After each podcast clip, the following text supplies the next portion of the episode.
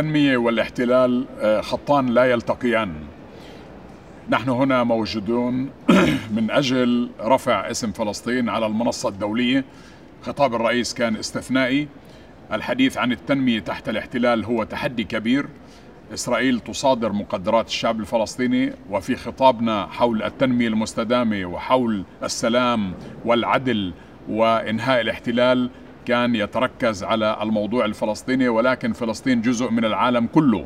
نحن شركاء مع العالم في قضايا التنمية في قضايا العدل في قضايا المساواة في قضايا تحقيق المساواة بين الرجل والمرأة في قضايا مكافحة الفقر والبطالة وخلق فرص عمل لشبابنا. وبالتالي إحنا هون صوت فلسطين العالي في أهم مؤسسة دولية مؤسسة الأمم المتحدة. الشعب الفلسطيني سوف ينتصر على الظلم و فلسطين ستصبح دولة مستقلة. نعم اليوم في الأمم المتحدة إحنا دولة ليست عضوة ولكن قريبا إن شاء الله ستكون فلسطين دولة عضوة عاصمتها القدس وحق العودة للاجئين ويرفرف علمها على أراضيها. شكرا جزيلا.